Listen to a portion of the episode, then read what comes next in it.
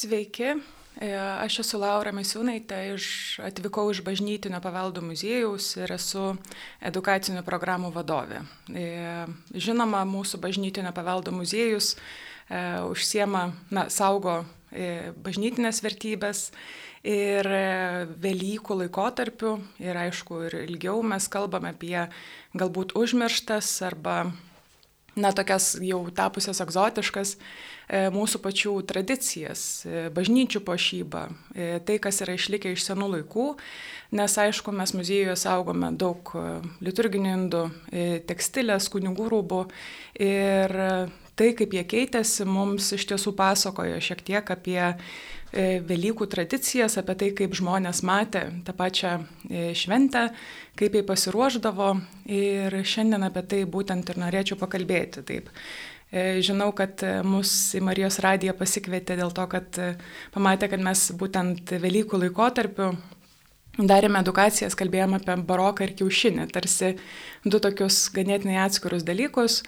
E, bet barokas, aišku, ne tik Vilniaus kultūrinė epocha pagrindinė, bet ir mūsų muziejus. Ir mes turime apie ką papasakoti. Tuo labiau, kad e, mūsų muziejuje šiuo metu iki pat rugsėjo veikia ypatinga paroda, vadinama Teatrum Biblikum, e, kur eksponuojame dviejose salėse bažnyčių, altorių dekoracijas, mums dabar jau šiek tiek neįprastas, kurios būtent kalba apie Velykas ir būdavo išstatomas Velykų tema. E, tai šiandien apie ką kalbėsiu, apie Velykų tradicijas arba bažnyčių pošybą, kaip žmonės pasiruoždavo šiai šventėjai skirtingais laikais Lietuvoje arba ne tik Lietuvoje. E, tai aišku paliesiu ir, šią parodą, e, nes na, edukacijas darysime ir toliau, apie Velykas kalbėsime nebūtinai, tik tai balandį, bet ir per visą vasarą. E, tai tiesiog turbūt šios laidos e, tema arba pagrindinė mintis būtų e, prisiminti arba vėl aktualizuoti gana banalų turbūt dalyką, kad tradicijos, mūsų pačių tradicijos, kurios išnyksta, nebe, nebėra praktikuojamos, mums gali pasirodyti šiek tiek egzotiškos Ir arba tie dalykai, kuriuos mes vis dar darome, kituose kraštuose gali būti egzotiški, bet kad ne, nekalbėčiau taip abstrakčiai, žinoma, pasitelksiu tam tikrus pavyzdžius. Ir turbūt reikia na, viską pradėti šitą pasakojimą nuo to, kad nuo pasninko, nuo govienios laikotarpio ir kaip skirtingų laikotarpių, skirtingų metų buvo pasiruošiama būtent Velykoms per gavėnę. Na ir žinoma, mums gavėnė asocijuojasi su kūno ir taip pat dvasios pasninku. Šiais laikais e, galima pasirinkti daugybę būdų, kaip e, šį pasninką vykdyti, nuo ko susilaikyti. Ir žinoma, visų pirma, kas šauna į galvą, tai susilaikimas nuo maisto, priesko maisto valgymas. Tai, tarkim, kulinarijos istorikai Lietuvoje e, akcentuoja du dalykus - tai yra žuvis ir sriuba. Ir visas tas, na, toks paprastas valgys padėjo turbūt nesirūpinti per daug, daugiau nereikia savo būtimi būtent šiuo laikotarpiu, kad šiek tiek daugiau laiko atsirastų, na, dvasiniams apmąstymams, šiek tiek daugiau laiko atsirastų e, tebūnie ir maldai, ir e, susitelkimui svarbesniems dalykams, bet e, ir taip pat, aišku, ruošimuisi, Velykoms tvarkymuisi. Ir įdomu, kad turbūt e, dėl paties gavėnios pasninko, turbūt mes galime įvardinti vieną priežastį, kodėl kiaušinis atsiranda, na, toks svarbus tampa ant Velykų stalo, nes žmonės taip pat susilaikydavo ir nuo kiaušinių, tai yra ganėtinai maistingas e, produktas maisto, e, bet jeigu žmonės susilaiko, tai nereiškia, kad vištos nustoja juos dėti. Ir žinoma, kad tų kiaušinių tikrai daug prisikaupdavo. Tai e, tarkime, na, bajorų virtuvės tyrinėtojai, kaip kad koks, na, yra keli, turbūt pas mus, tai pabrėžia, kad, na, ant bajorų stalo tų kiaušinių būdavo ne tik margučių pavydalu. E, kiaušiniai atsirasdavo ir patiekuolose, e, Velykinė boba, šakotis, morengai. Visi šitie patiekalai iš tiesų yra tiesiog na, kiaušinio kita būsena. Ir, na, kiaušinis valstiečiams tai atstodavo ir mėsos patiekalus per, per Velykas, nes ne, ne visi galėjo iš tiesų tos mėsos paskui ir įpirkti. Tai kiaušinis, na, ant bajorų stalo jau matome nuotraukose, XIX amžiuje pavyzdžiui, kad jis yra dažytas, margas ir Na, kulinarijos istorikas, pavyzdžiui, vienas tyrinėjantis būtent XIX amžiaus bajorų virtuvę, Marius Dareškevičius, e, pabrėžia, kad e, toks stalas, Velykinis stalas ir XIX amžiuje dar buvo labai barokinis. Tai barokas e, šį e, žodį, šią savoką turbūt reikia suprasti ne tik tą prasme, kad tai yra kultūros epocha, bet ir per jo estetiką.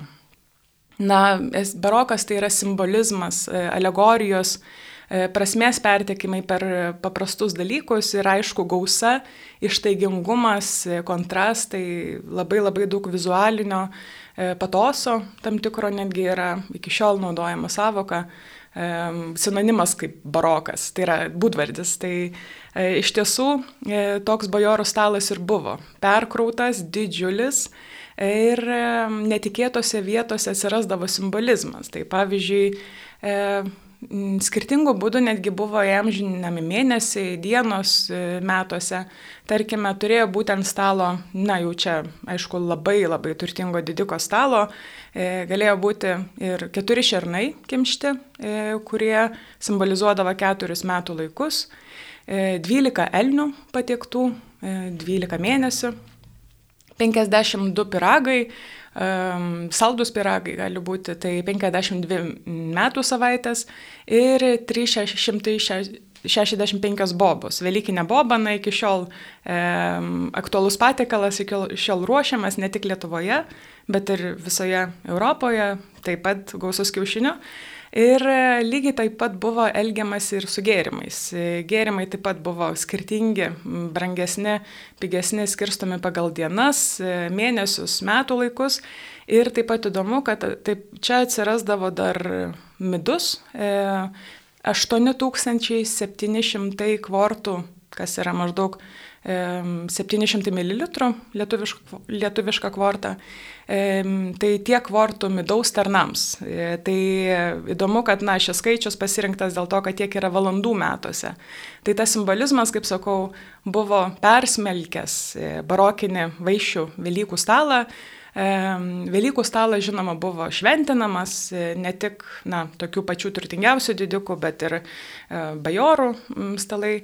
Ir įdomu, kad ant jo atsirasdavo taip pat e, na, stilizuotas Kristaus kapas. Tai tas Kristaus kapas galėjo būti nebūtinai e, na, iki galo išbaigtas, bet tiesiog numanimas tam tikras, e, tarkime, žalėmis apgaišyti vartai nedideli, na, tarkim, iki pusės metro aukščio turbūt ant stalo vidury, per vidurį ant viršaus kryželius puikuodavosi ir tose vartose gulėdavo avinėlis.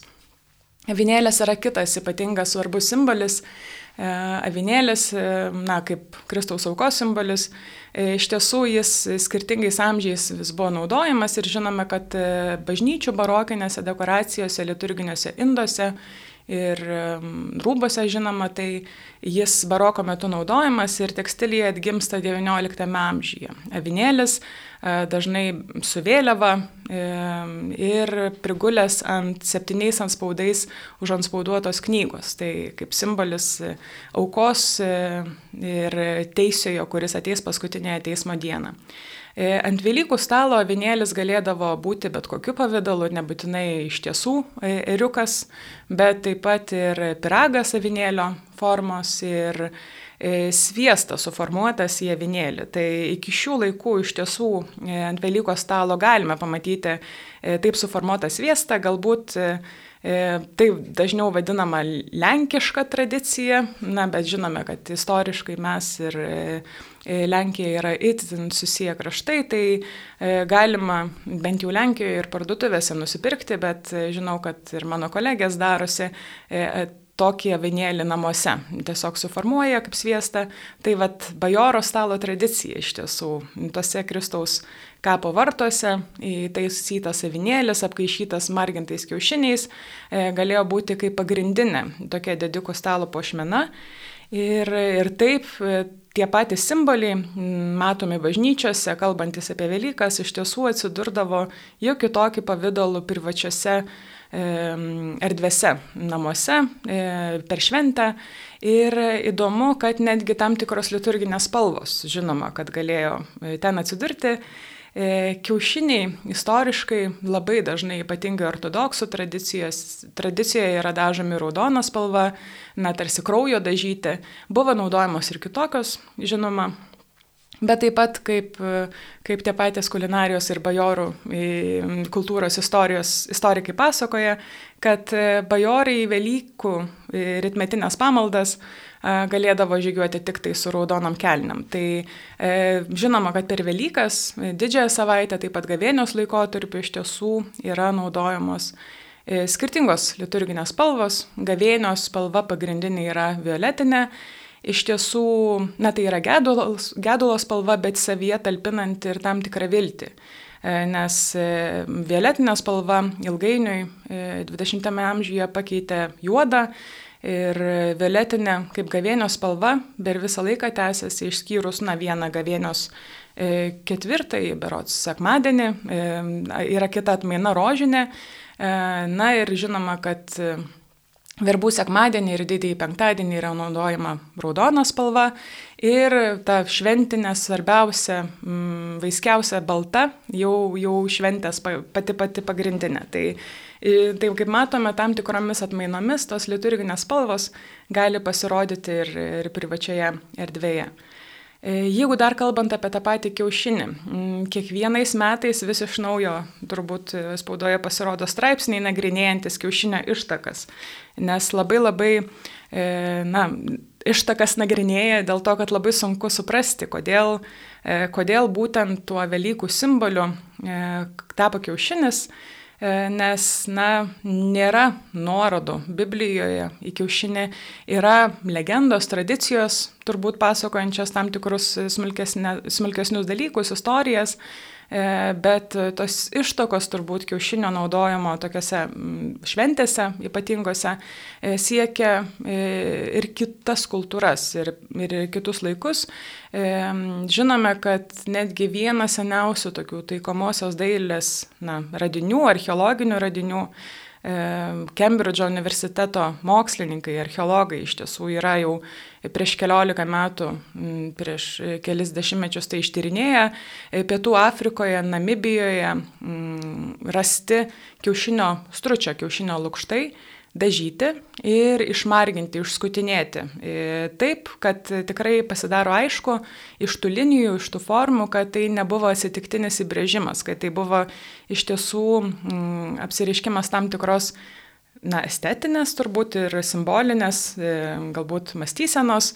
Ir mes kalbame apie laikus prieš 60 tūkstančių metų. Tai žinome, kad taip tai tokie kiaušinių lukštai e, dekoratyvus gali būti priskiriami pirmiesiems žmonių piešiniams. Tai e, mes galime džiaugtis, kad iki šiol dažnas lietuvis iš tiesų kiaušinių marginimui gali naudoti vieną seniausių, seniausią, tiksliau, e, kiaušinio marginimo techniką, tai yra dažymas ir skutinėjimas. Tai mes, mes to esame išmokę Ir kiaušinis dėl savo formos, bet taip pat ir dėl to aktualaus, e, na, tokio akivaizdaus simbolizmo, tai yra gyvybės nešėjas, tai yra, na, toks e, gamtos ir atsinaujinimas, bet taip pat ir, ir prisikelimo jau krikščionybėje ženklas. E, na, jis skirtingose kultūrose jau būdavo pripažįstamas, kiaušiniais būdavo keičiamasi, juos dovanojama. E, ir manoma, kad, e, na, mokslininkai sutarė, kad e, kiaušinių tradi marginimo tradicija krikščionybėje atsiranda iš pirmųjų krikščionių Mesopotamijoje. Ir iš Mesopotamijos atkeliauja per rytų Europą, per Sibirą, per ortodoksų, ortodoksus į jau centrinę Europą ir į katalikiškus kraštus. Dabar šiuo metu kiaušiniai marginami, valgomi kiaušiniai e, yra e, būtent centrinėje ir rytų Europoje. Pas mus atkeliavo greičiausiai irgi iš slaviškos tradicijos ir tarkime e, jau kokie na, Britų salos, anglai e, tai laiko mirusią tradiciją ir matosi, kaip, e, na, kaip mes muziejininkai visuose kraštuose nori geras tradicijas atgaivinti, tai ten irgi yra aktyviai skatinama vėl jos pradėti dažyti, bet tai nėra iš tiesų kažkas, e, kas daroma aktyviai, tai turime džiaugtis, kad pas mus iš tiesų skirtingos formos šios tradicijos vis dar išliko. E, tai dažome įvairiai, kaip sakau, raudona spalva su kryželiu dar ant kiaušinio yra labiausiai siejama su ortodoksų e, tradicija.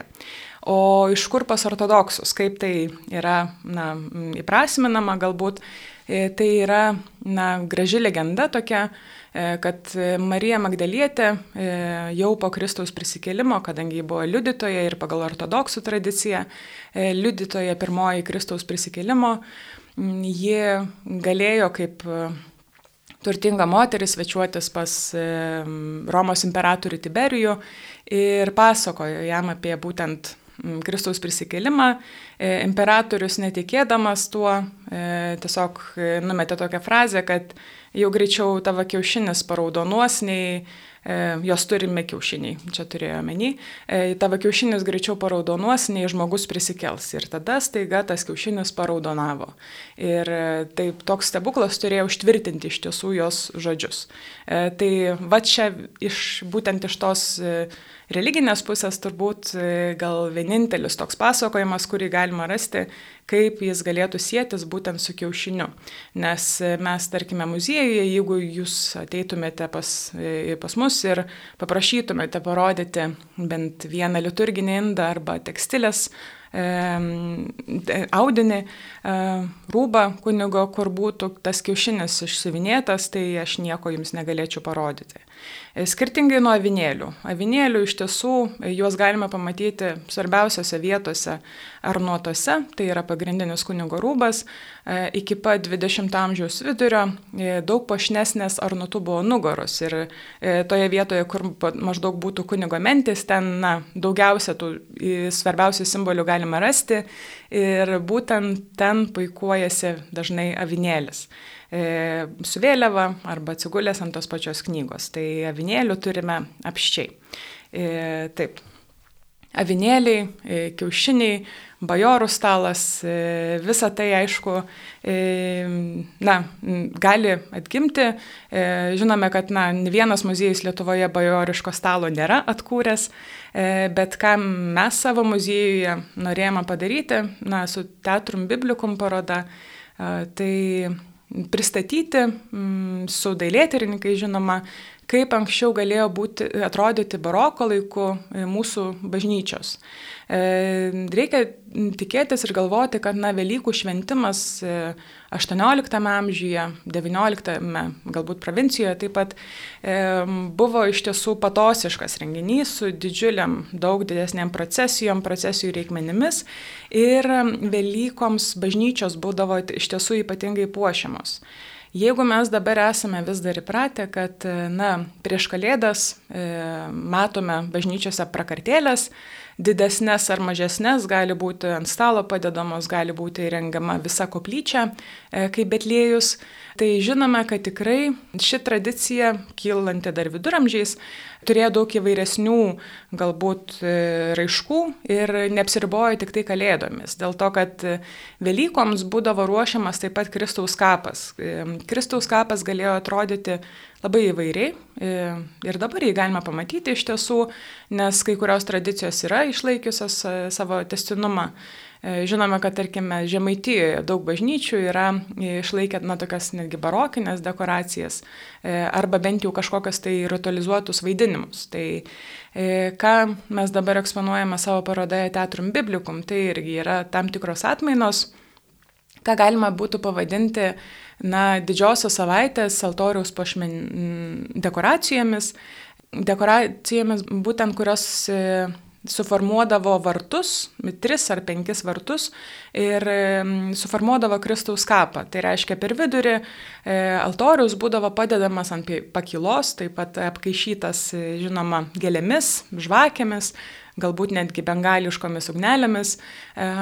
Kristaus kapas tai yra, na, bent jau paveikslas, kur pavaizduotas Kristus, arba tai galėjo būti ir skulptūrėlė tam tikra paguldyta. Ir iš šonų ant vartų, tokiuose kontūriniuose paveiksluose, tai reiškia, kad paveikslai buvo na, išpjaustyti pagal, e, pagal personažus ten vaizduojamus, e, buvo suformuojama tam tikra e, na, turbūt pasakojimas, skaitinių tradicija arba istorijos rodomos, kurias reikia atsiminti būtent Velykų laikotarpiu. Tai mums tai turbūt labiausiai sėtusi šiuo metu su šeštadieninėmis vakarinėmis mišėmis, Velykų vėgilyje. Tai, tai ką tai reiškia? Tai reiškia, kad E, ten galime pamatyti ir Senojo testamento veikėjus, ir Naujojo testamento veikėjus. Tai pasakojimus e, veikėjai šitie paveikslai e, turėjo mums atgaminti atmintyje tam tikrus pasakojimus ir netgi be kunigo jas galima buvo kontempliuoti. Ir, ir tai visą tai turėjo priminti iš tiesų, na, svarbiausius turbūt dalykus. Ir, na, žinome, kad 18 amžiuje e, tokiu arba Kristaus kapo, arba na, altorių dekoracijų įrengimu e, rūpinosi aktyviai ir jezuitai. Tai iš tiesų baroko laikotarpiu jezuitai, na, turbūt labiausiai formavo e, tą religinę aplinką ir taip pat didaktinę aplinką. E, teigia, kad, e, na, tikėjimą mes galime suprasti per emociją daug geriau, per, per jausmus. Ir, ir na, tokia kap, tokios kapo dekoracijos galėjo būti iš tiesų ir kaip teatro atmaina, tokia sakralinio teatro atmaina, kurį jezuitai propagavo.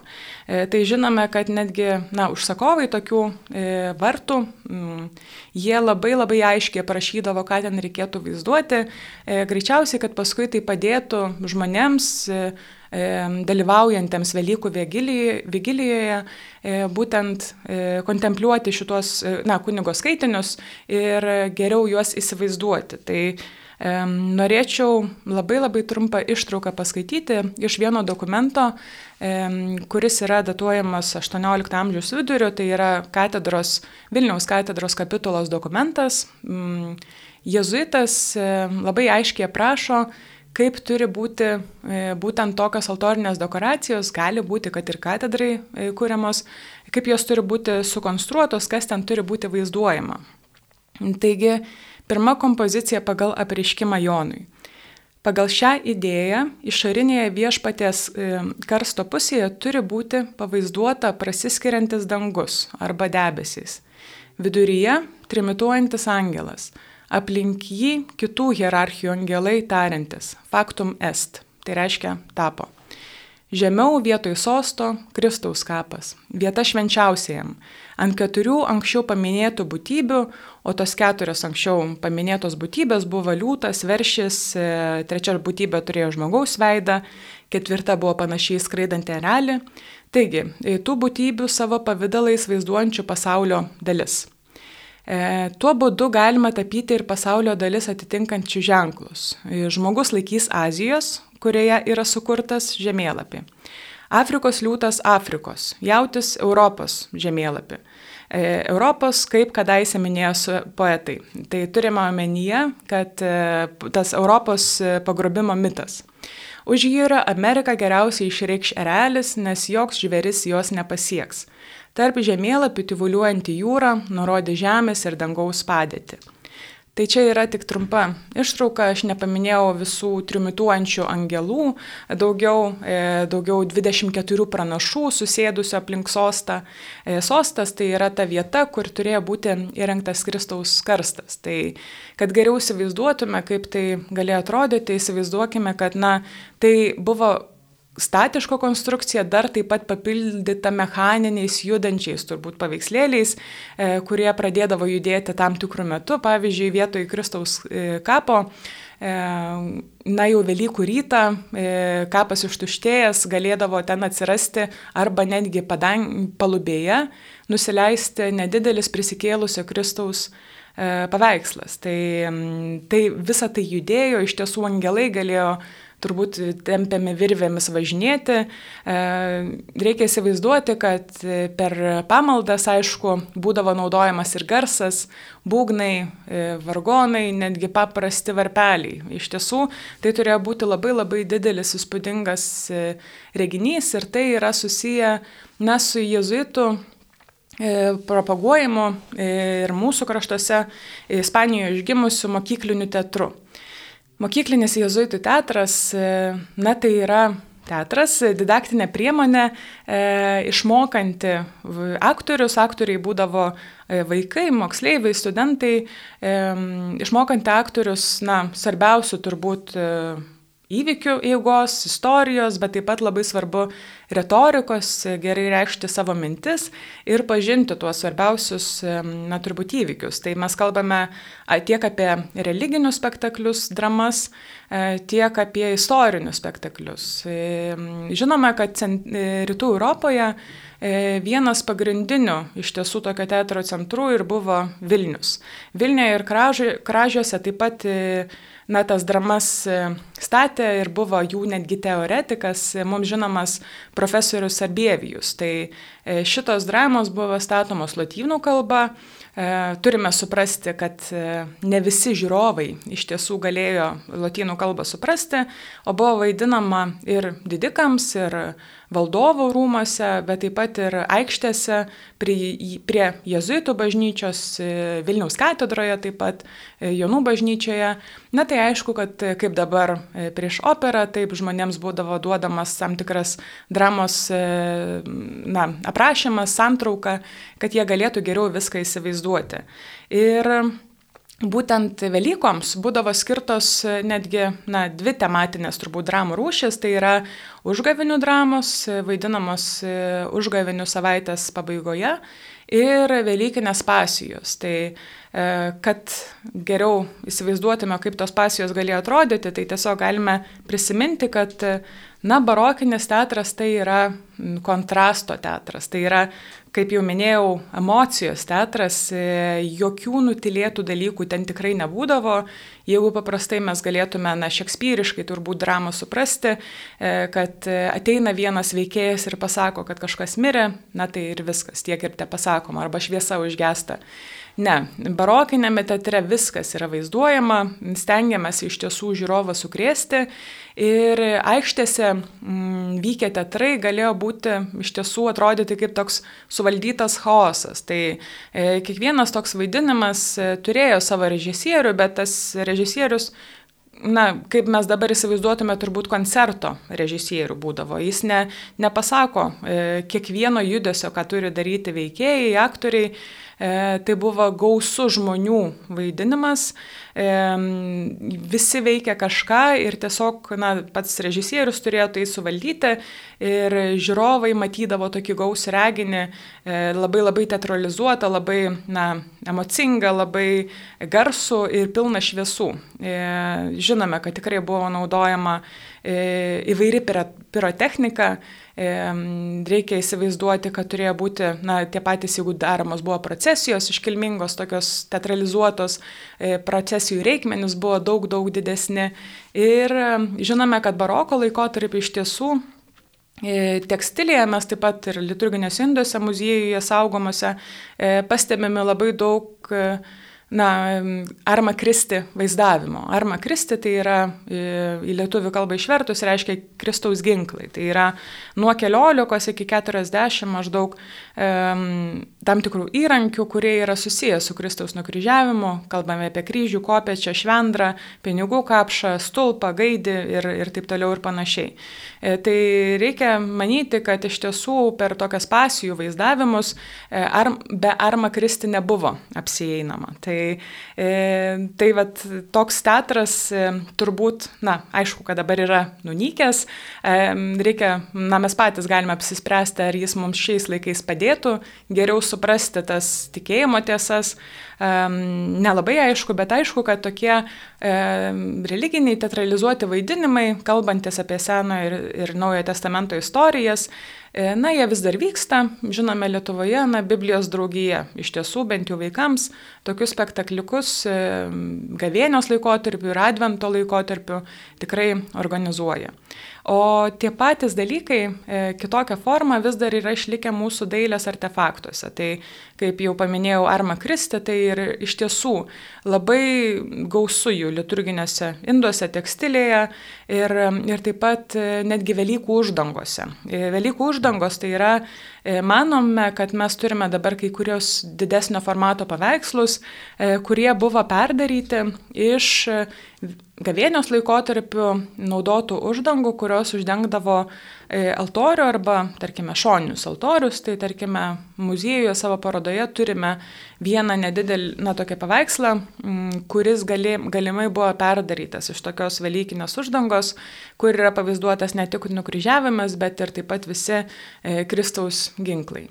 Ir kalbant dar apie Velykų uždangą, tai čia jau yra turbūt tokia šiek tiek ankstesnė tradicija, e, galėjo būti skirtingose Lietuvos dalise ir vienalaikė su e, Kristaus kapo įrengimu ir, ir tų vartų statymu, e, bet ką mes turime išlikusius, tai kelis paveikslus, 11 paveikslų iš Viekšnos bažnyčios, na tai yra vakarų Lietuva, E, kur, kurie man, galimai buvo XIX amžiuje sukarpyti ir anksčiau sudarė vientisą, ganėtinai plačią, turbūt gal netgi 9 metrų e, altoriaus uždangą. Altoriaus uždangą, kurioje buvo e, pavaizduoti Senojo ir Naujojo testamento veikėjai.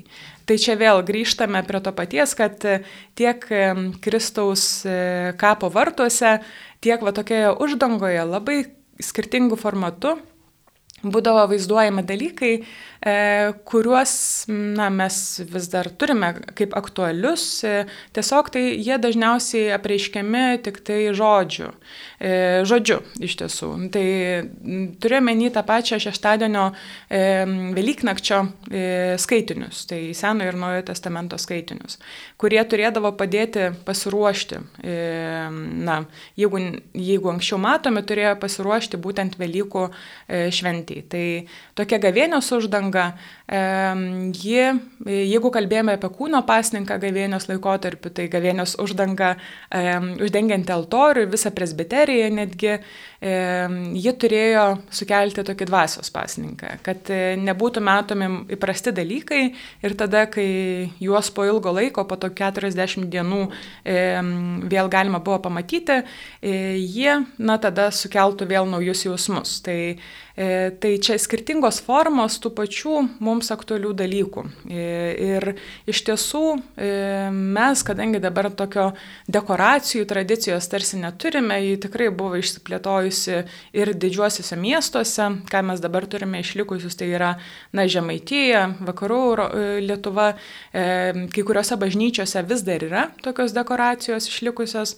Na, bet mes muziejuje tiesiog su, surinkome tas su dailėtyrininkė Astaginiūnenė, tas, kurios išliko tikrai barokinės, gražiausios ir, na, per savo edukacijas irgi apie tai kalbame. Tai tiesiog noriu pasakyti, kad šiandien kalbėjau apie E, tam tikras Velykų tradicijas arba Velykų laikotarpio bažnyčių pošybą, e, kaip galėjo turbūt lietuviški miestai arba bažnyčios atrodyti 18-19 e, amžiuje. Ir galbūt kokia kiaušinio prasme šitą yra. Mes šiuo metu iki pat rugsėjo turime dar savo parodą Teatrum Biblikum ir organizuosime edukacijas. Kiaušinių nemarginsime, bet bandysime pasidaryti su edukacijų dalyviais E, papirinį teatrą. E, papirinį, mažą papirinį teatrą e, pagal, na, išlikusias dekoracijas, kad galima būtų geriau įsivaizduoti, kur Kristaus kapo sargyba stovėjo, kaip atrodė tie vartai ir kaip iš tiesų galėjo ten avinėlis arba prisikėlęs Kristus nusileisti. Tai tikrai noriu pakviesti artimiausią Mm, edukacija bus šį šeštadienį ir taip pat, jeigu jums yra aktualūs e, Senojo ir Naujojo testamento siužetai, e, kitą trečiadienį, balandžio 19 dieną, 18 val. E, mūsų laukia muziejuje pokalbis parodos kuratorės Astos Giniūnenės ir kunigo Algero Okelaičio e, pokalbis būtent šiomis temomis. Paskaita, pokalbis šitas, aišku, jeigu apsilankysite pas mus, yra ne, nemokamas. Tai e, tikrai kviečiu ir kviečiu, na, Velykomis domėtis, aišku, ir ilgesnį laiką, tuo labiau, kad mes tikrai turime tam tikrų puikių e, dailės, taikomosios dailės. E, istorijoje išlikusių daiktų, kurias verta pamatyti, prisiminti ir E, kaip jau minėjau e, laidos pradžioje, kad nebegalvotume apie savo kultūrą tam tikrais atžvilgiais kaip apie egzotišką. E, su jumis buvo Laura Misiūnaitė iš Bažnytinio paveldo muziejaus ir dėkui už klausimą.